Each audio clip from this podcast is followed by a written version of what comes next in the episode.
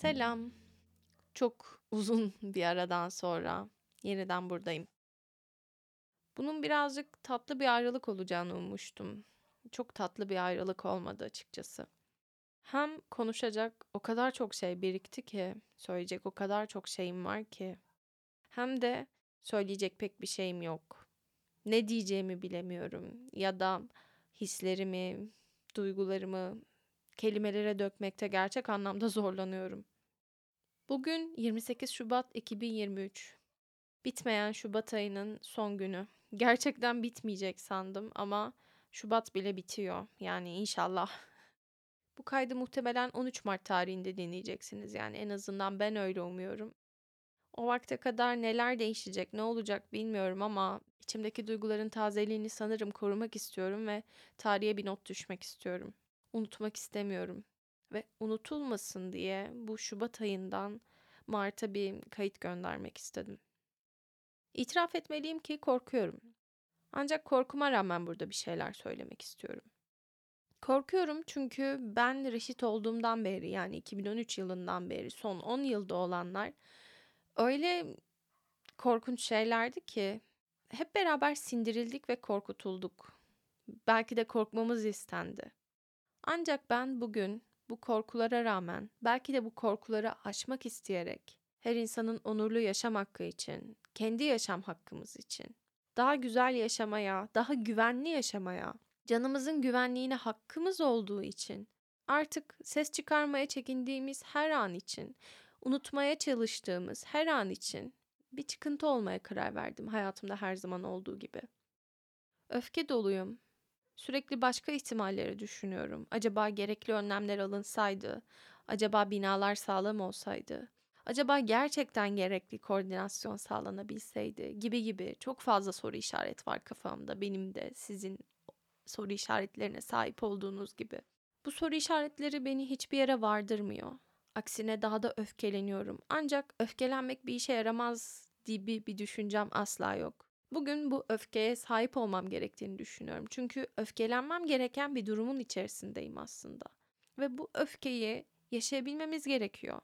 Kaybedilmiş yaşamlara, zarar görmüş yaşamlara dair bir yasımız varsa, bunlara dair bir öfke yaşıyorsak, bunların gerekçeleri olduğundan dolayı. Çok iyi biliyoruz arkasında yatan gerekçeleri. Yüz kişi zaten bunu söyledi. Bir de ben söyleyeyim. Yardımlar gelmedi. Gerekli zamanda gerekli acil müdahale yapılmadı. Deprem vergileri izini kaybetti. Ve bunun gibi daha bir sürü şey. Gerçekten sayabileceğim çok fazla şey var. Bilmiyorum ben açıkçası her ne kadar kendimi politik bir insan olarak görsem de politik konuşmalar yapma konusunda kendimi çok iyi hissetmiyorum. Ee, çok içinde rahat hissettiğim konuşmalar da değil aslında bir taraftan bunlar. Çünkü içten içe böyle bilmiyorum. Yeterince herkesi kapsayamamaktan, yeterince meseleleri titizlikle ifade edememekten ya da yanlış bir şeyler söyleyebilmekten de çekiniyorum aslına bakarsanız. O nedenle böyle durup düşünerek konuşuyorum fazlasıyla. Bir taraftan da kendim zaten birazcık da duygulara, çeşitli hisler yaşamaya kafayı takmış bir insanım okey o zaman ben de bunlar hakkında konuşayım diyorum ama toplumsal olayları toplumun kendisinden ya da toplumsal gerçeklerin kendisinden sıyırıp sadece duygularımızdan işte yaşadığımız hüzünden, öfkeden, orada yaşanan bir sürü karmaşık duygudan bahsetmek bana açıkçası yavan geliyor. Yeterli gelmiyor.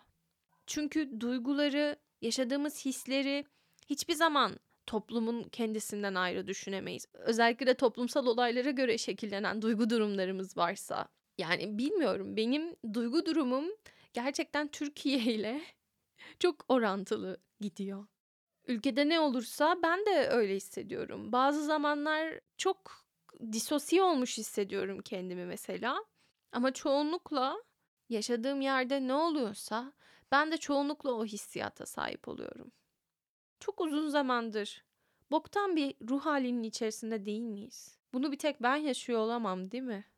Hak ettiğimiz bir hayat var aslında.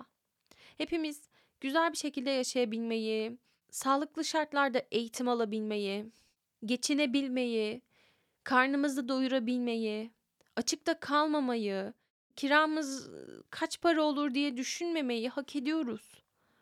Ama çoğumuz zaten kiramızın, maaşımızın yarısından fazla olmasından muzdaribiz, öyle değil mi?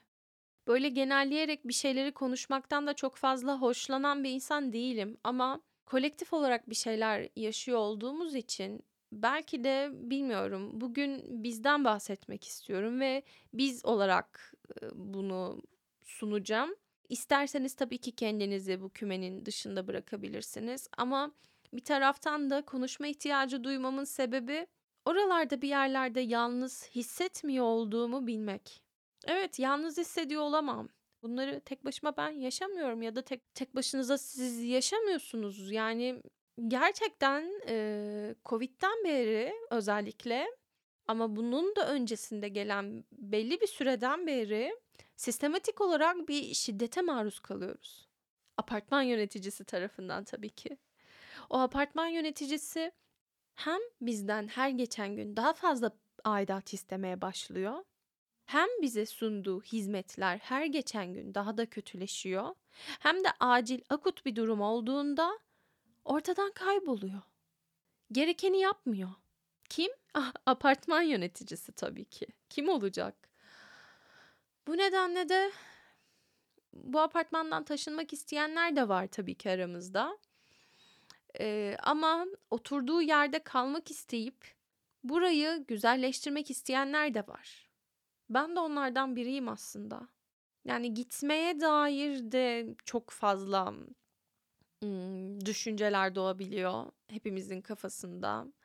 Çünkü bir taraftan biliyoruz başka apartmanlarda daha güzel yaşamlar var. İşte tabii ki de bu tartışılır. Ee, ama ne bileyim çok da fazla metaforik anlatamayacağım.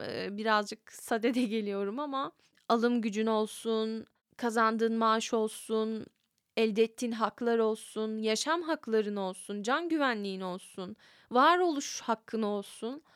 Bunlar başka apartmanlarda çok daha mümkün olabiliyor.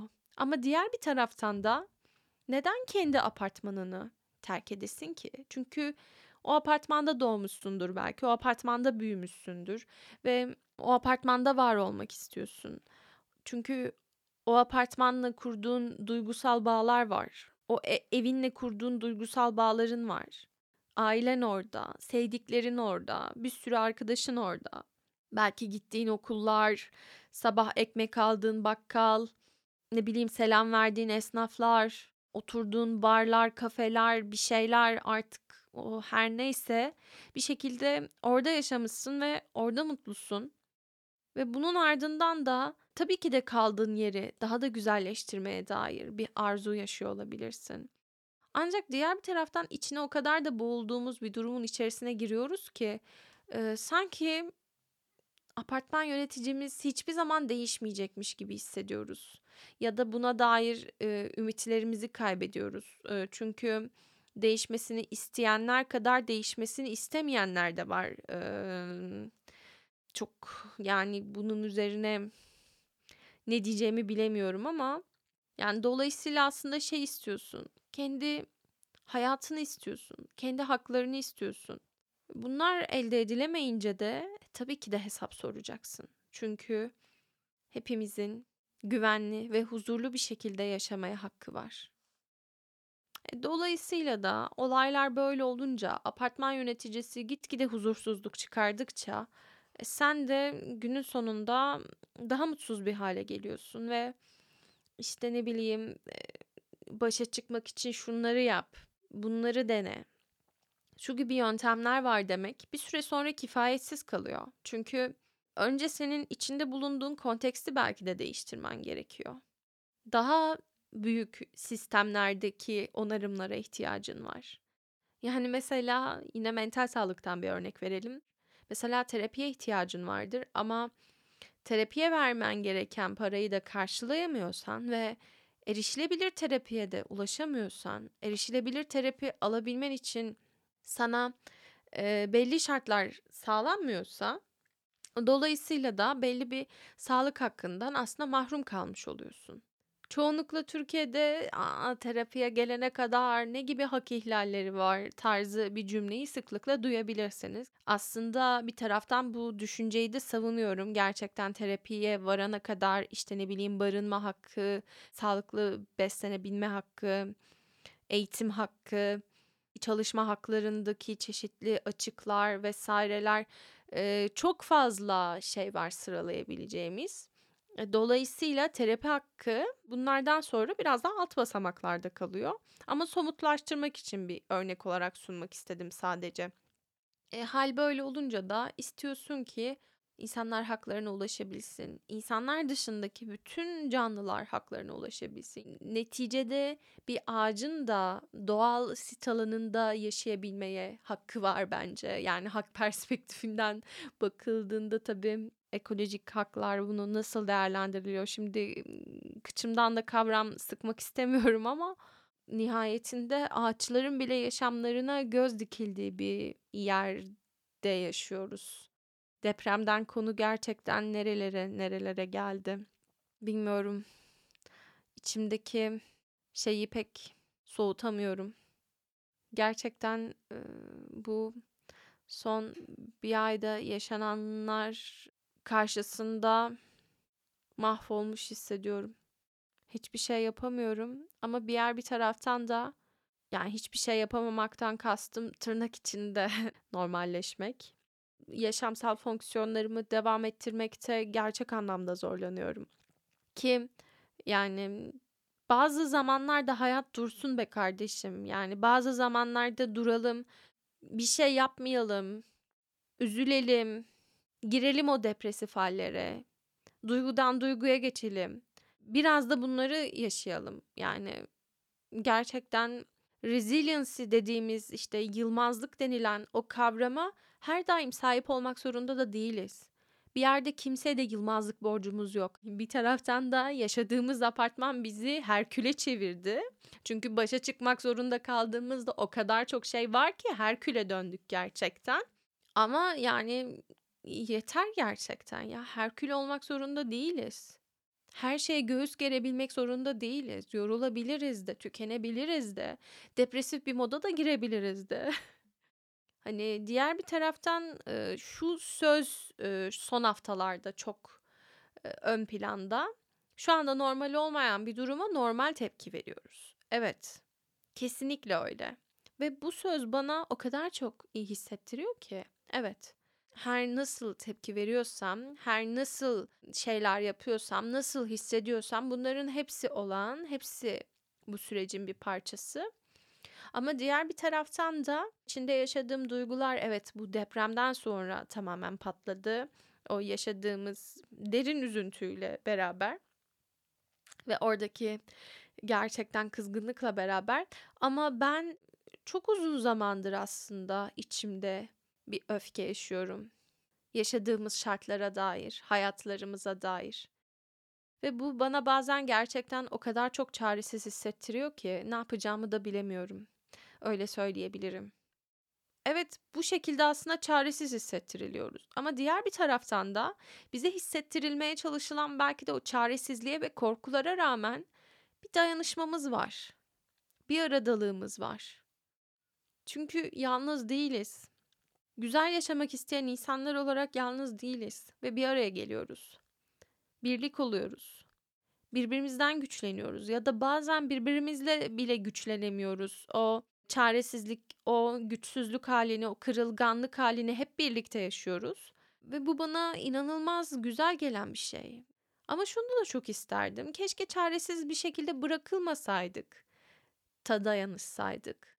Keşke bizim hakkımız olan şeyler bize verilseydi ve onunla beraber dayanışmaya devam edebilseydik.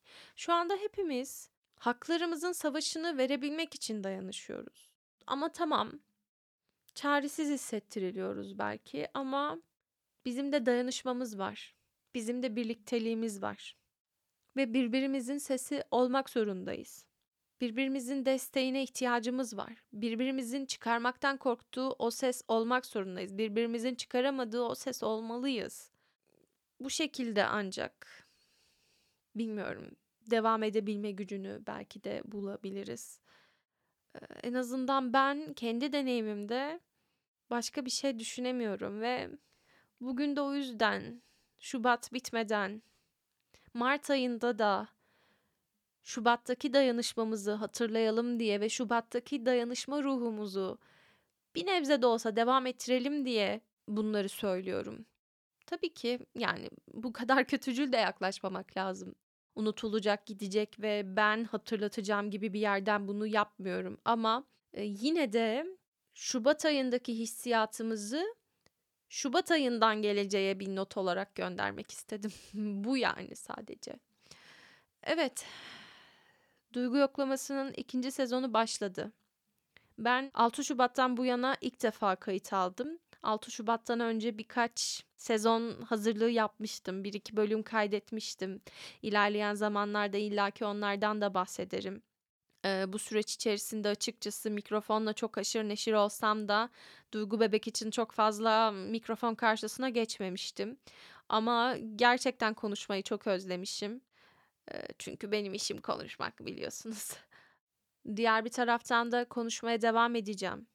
Bu süreçte benim de farklı planlarım olmuştu. Şu anda yol nereye götürüyor beni asla bilmiyorum. Şu mikrofonu bile gerçekten her zaman olduğu gibi ne söyleyeceğimi bilmeden, çok fazla bir plan yapmadan koydum önüme.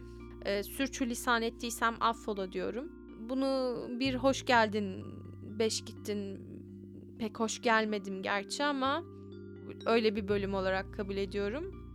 Daha fazla sanırım e, lafı uzatmaya gerek yok. Hoşça kalınız, kendinize iyi bakınız diyeceğim. E, ne kadar mümkün olacak bilmiyorum. Gelecek bölümlerde görüşmek üzere diyorum o zaman. Hepinizi sevgiyle kucaklıyorum. Bay bay.